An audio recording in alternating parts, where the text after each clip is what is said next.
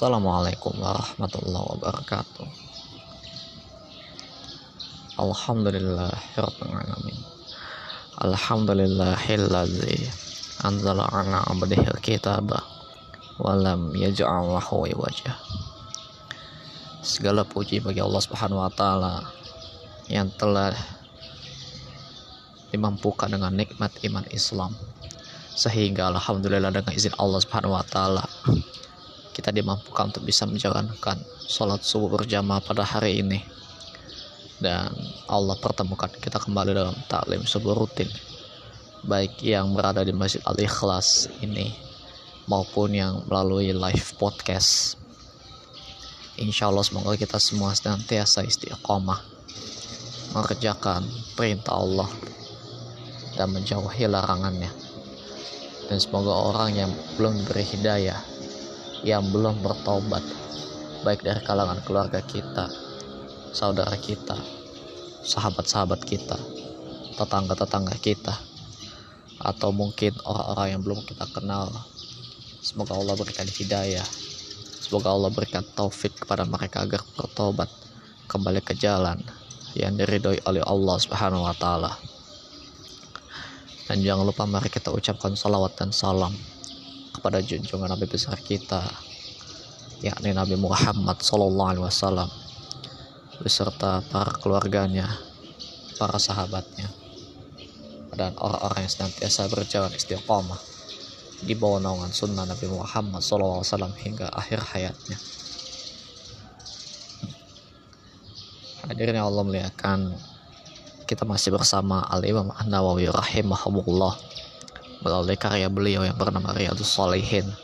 Semoga Allah merahmati beliau, keluarganya, orang tua beliau, guru-guru beliau, murid-murid beliau, orang-orang yang beliau cintai dan juga seluruh kaum muslimin di mana pun berada.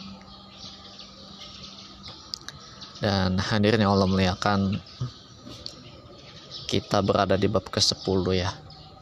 Dan sudah berlangsung dua hari kita membahas satu ayat di surat Al-Baqarah 148 fastabiqul khairat maka berlomba-lombalah kalian dalam kebaikan. Dan hari ini kita masuk dalil yang kedua ayat yang kedua. Dan ini adalah ayat terakhir ya ayat Al-Quran terakhir yang membahas tentang masalah ini yang dicantumkan oleh Imam An-Nawawi. Setelah itu insya Allah kita akan membanyak hadis demi hadisnya ayatnya adalah surat Ali Imran ayat 133 dan ini ayat ini ini mengulang flashback kita mengulang kembali pembahasan tentang takwa. Walaupun dengan pembahasan yang berbeda ya dibanding apa yang sudah disampaikan dalam bab takwa yaitu karakter orang yang bertakwa. Bunyi ayatnya adalah wasari ila magfiratim mirabbikum wa jannatin arduha samawati wal ardu uiddat lil muttaqin. Dan bersegeralah kalian mencari ampunan dari Rob kalian dan mendapatkan surga yang luasnya seluas langit dan bumi yang disediakan bagi orang-orang yang bertakwa. Hmm.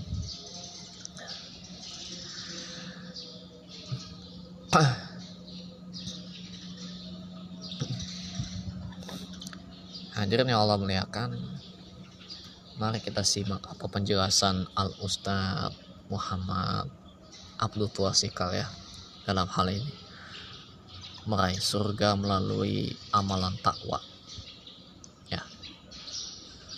meraih surga. Melalui amal takwa.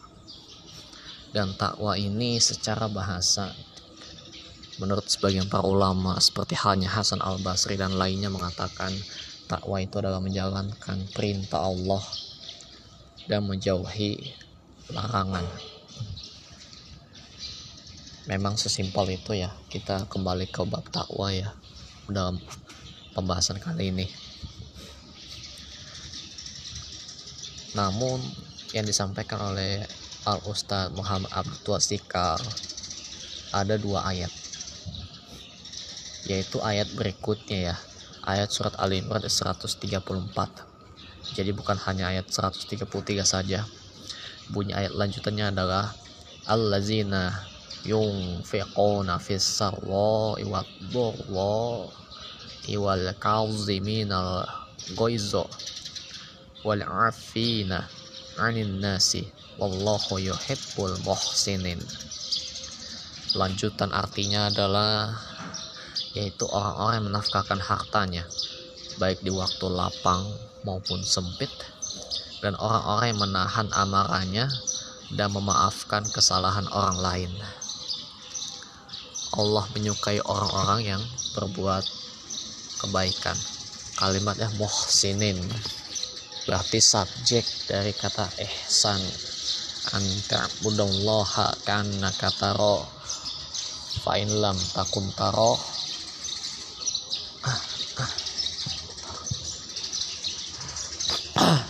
Fa'in lam. Fa'in lam takun taro. Fa'in nahu yaro. Kurang lebih itu hadis Jibril ya. Membahas tentang ihsan engkau beribadah kepada Allah seolah-olah engkau melihat Allah dan jika engkau tidak melihat Allah ketahuilah bahwa Allah melihatmu itu definisi ihsan ya yang disampaikan Rasulullah Shallallahu Alaihi Wasallam dalam pembahasan tentang ihsan. Nah ihsan kalau disubjekkan kalimatnya menjadi muhsin. Nah, muhsin ini Allah menyukai orang-orang yang berbuat kebaikan. Allah menyebut wallahu yuhibbul muhsinin. Allah senang dengan orang-orang yang berbuat ihsan begitu beribadah dengan memperhatikan unsur semua unsur yang dibutuhkan bagi seorang hamba agar senantiasa mereka mendekatkan diri kepada Allah Subhanahu wa taala. Gitu. Kita lanjut tentang fokus pembahasan kita. Insya Allah tidak lama. karena ini sebetulnya mengulang pembahasan kita tentang takwa dan kita akan jelaskan secara sepintas ya dalam ayat yang mulia tadi dua ayat ya bahkan Allah memerintahkan untuk bersegera dalam dua hal. Yang pertama adalah meraih ampunan Allah Subhanahu wa taala. Yang kedua meraih surganya yang luasnya seluas langit dan bumi atau lebar lah gitu ya. Apalagi panjangnya. Surga ini Allah sediakan bagi orang-orang yang bertakwa. Dan semoga Allah memudahkan kita untuk masuk ke dalamnya. Amin ya rabbal tentu syaratnya adalah kita harus menjadi orang yang bertakwa. Jalankan perintah Allah dan menjauhi larangan.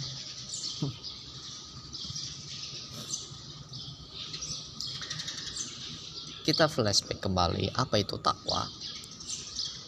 Yang dijelaskan oleh Syekhul Islam Ibn Taimiyah.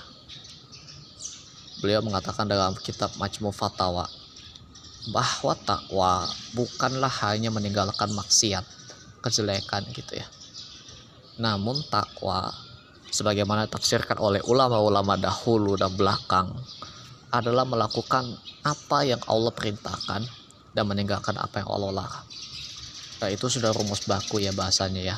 Secara umum para ulama setuju dengan pembahasan takwa itu menjalankan perintah dan menjauhi larangan.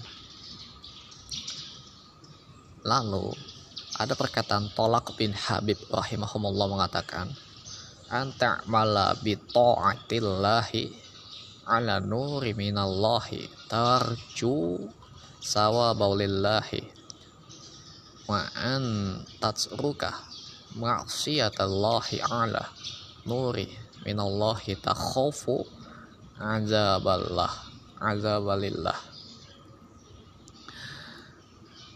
takwa adalah engkau melakukan ketaatan kepada Allah. Di atas cahaya dari Allah yaitu di atas ilmu gitu. Tentu saja kita harus pahami bersama ilmu yang dimaksud itu adalah ilmu yang bermanfaat ilmu yang benar sesuai syariat. Dengan harapan untuk mendapatkan pahala dari Allah dan engkau menjauhi maksiat atas cahaya dari Allah yaitu di atas ilmu yang benar juga karena takut akan azab Allah Subhanahu wa taala referensi ini bisa ditemukan dalam kitab Jami'ul Ulul wal Hikam karya Al-Imam Rajab Al-Hambali.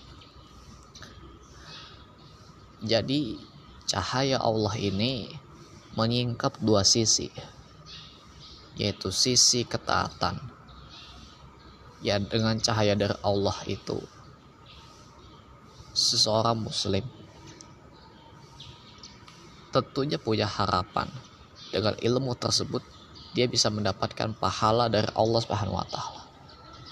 Ya tentu saja ujungnya diterima amalan tersebut. Tidak hanya beramal namun zong itu tidak diterima. Karena dengan beribadah dengan dengan ilmu yang benar, tentu kita juga artikan niatnya juga benar, caranya benar, maka insya Allah orang yang bertakwa tadi akan mendapatkan pahala. Dan begitu pun dengan cahaya Allah Subhanahu wa taala dia pun bisa melihat berbagai kemaksiatan. Dan dia bisa menghindari maksiat tersebut, menjauhinya karena takut akan azab Allah Subhanahu wa taala. Ada orang meninggal tapi dikarenakan matinya karena sebuah khombar misalnya. Matinya karena sebuah rokok. Matinya karena hal-hal yang tadinya dia diinginkan oleh orang yang dia lihat hal yang diinginkan oleh orang yang melihatnya. Namun setelah itu dia tergerak untuk tidak mau melakukannya. Itu mungkin adalah salah satu bentuk cahaya dari Allah Subhanahu wa taala agar Allah jauhkan kita dari larangan tersebut. Begitu. Bisa jadi salah satu contoh saja. Dalam hal ini, di antara bentuk ketakwaan dari sekian banyak bentuk ya. Tentu saja kita hanya sebutkan beberapa saja. Bentuk ketakwaannya adalah menjaga sholat lima waktu. Di mana Allah memerintahkan hal ini pada kita.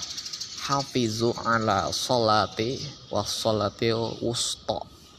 Peliharalah semua sholatmu dan peliharalah sholat usto. Sebagian riwayat tafsir menyebutkan sholat usto itu sholat asar. Atau ada juga mengatakan subuh. Namun jumhur ulama mengatakan itu adalah sholat asar. Itu yang paling tepat insya Allah. Sholat usto itu sholat asar. Karena ada pre, ada peringatan khusus tentang jangan meninggalkan waktu asar ya mungkin sebagian anak muda memahami yang baru hijrah.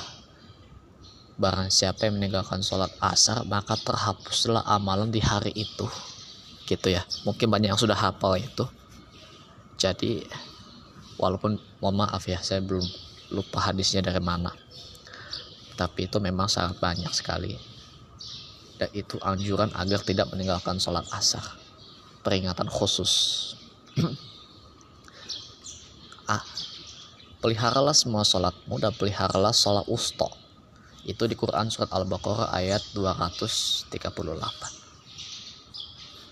dan Allah Subhanahu wa taala melarang meninggalkan perkara agung ini karena inilah amalan yang pertama kali akan dihisap yakni sholat di hari kiamat kelak di mana Rasulullah SAW pernah bersabda awalu ma yuhasabu yuhasabu bihil abdu salatu wa awalu ma yuqda bainan nasi fid damak amalan pertama yang akan dihisap dari seorang hamba adalah sholat. Yang perkara pertama kali yang akan diputuskan adalah urusan darah di antara manusia.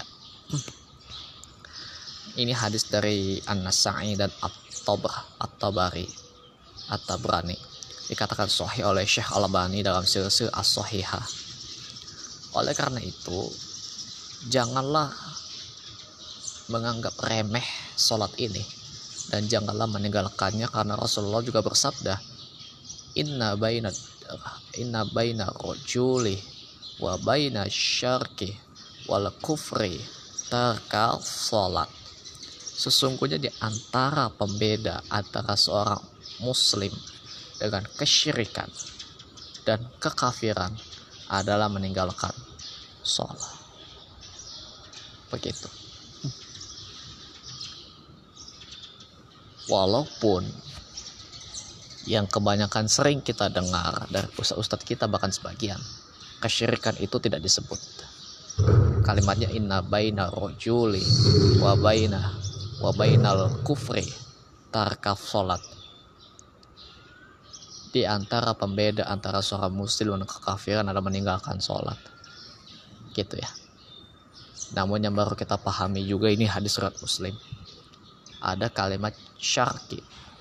Inna baina rojuli wa baina syarki wal kufri tarka solat sesungguhnya di antara pembeda antara seorang muslim dengan kesyirikan dan kekafiran adalah meninggalkan sholat jadi lawan muslim ini banyak lawannya muslim ini banyak orang orang yang syirik musyrik dan kufur orang yang kufur pada Allah Subhanahu wa taala.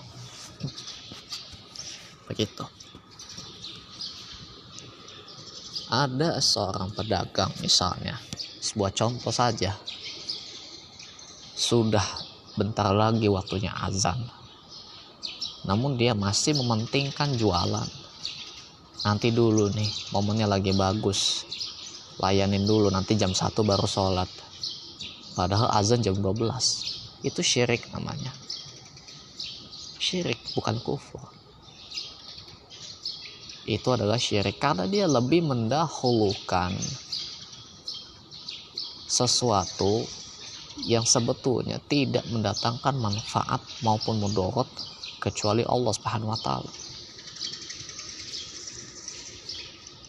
Dia hanya meyakini rezeki datangnya dari Allah, namun keyakinannya ternodai oleh kesyirikannya dia merasa kalau dia nggak jualan di momen itu nanti bisa rugi rezekinya nggak dapat gitu nanti aja dulu gampang.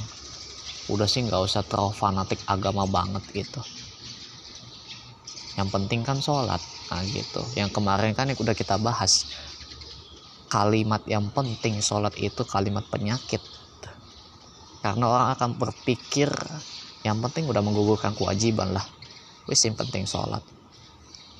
Dalam pembahasan akidah orang seperti ini disebut murjiah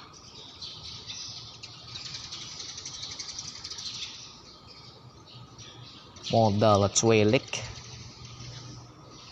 pengennya harapannya gede gede modalnya kecil berharapnya kegedean dia beribadah dengan cuman harapan doang. Namun tidak punya rasa takut apakah amalan dengan landasan pola pikir yang seperti itu diterima tidak. Takut nih misalnya gitu ya. Tapi dia nggak takut. Dia hanya berharap pahala. Namun dengan pola pikir menunda-nunda sholat orang seperti ini seperti orang murjiah namun itu dalam pembahasan khusus ya pembahasan akidah makanya kalau kita belajar paling dasar itu belajar akidah dulu. Bahkan kita mau bicara dalam urusan apa pun urusan bisnis sertakan dengan akidahnya. Belajar sholat sertakan dengan akidahnya.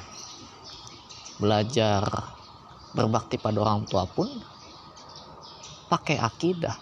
Kalau nggak pakai akidah hal yang di yang disebut sebagai kemusyrikan dilakukan sama anak nanti anak malah dapat dosa bukan dapat pahala dari bakti orang tua. Nihil.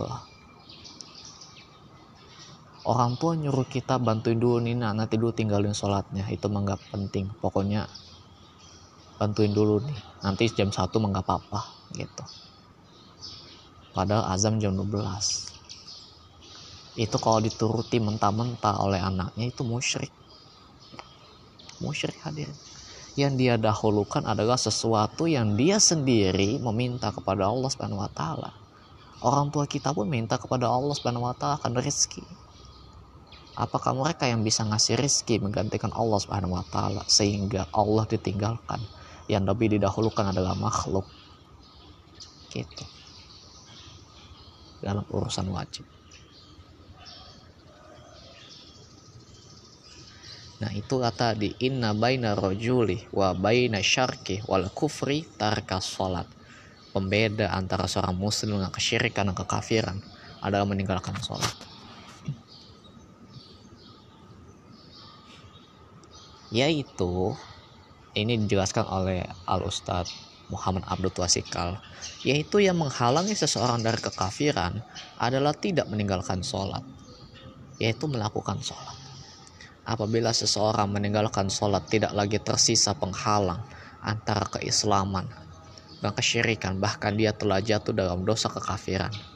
Perhatikan sabda Nabi SAW la yajtami'ul imana wal kufrah fi qalbi imrah amri.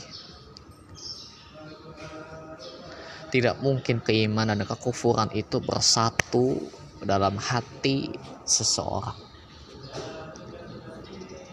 tidak mungkin hati seseorang itu tercampur keimanan dan kekufuran. Karena kufur lawan mutlaknya iman. Sedangkan iman masih bisa tercampur dengan kesyirikan. Imannya setengah-setengah. Tidak kafah. Namun kalau kufur tidak mungkin. Karena kufur lawan katanya. Lawan kata muslim itu sendiri.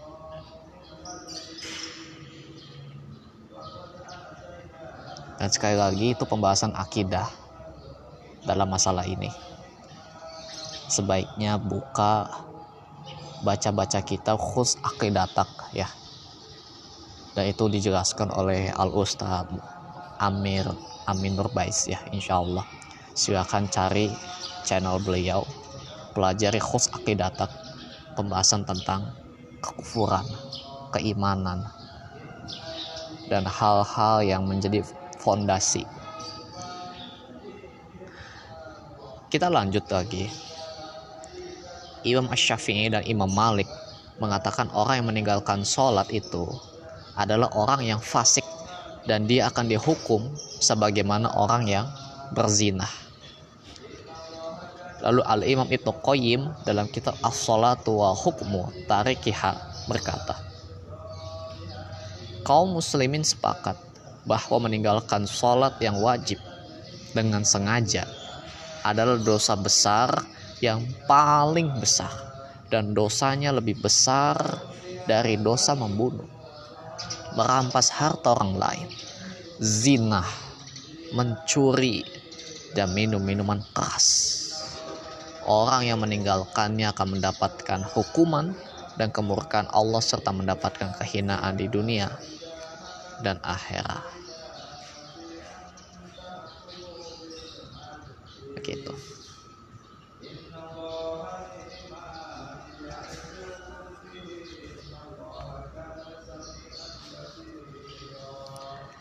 Jadi itulah yang bisa disampaikan tentang penjelasan mengapa kita dianjurkan untuk bersegera mencari ampunan Allah Subhanahu wa taala.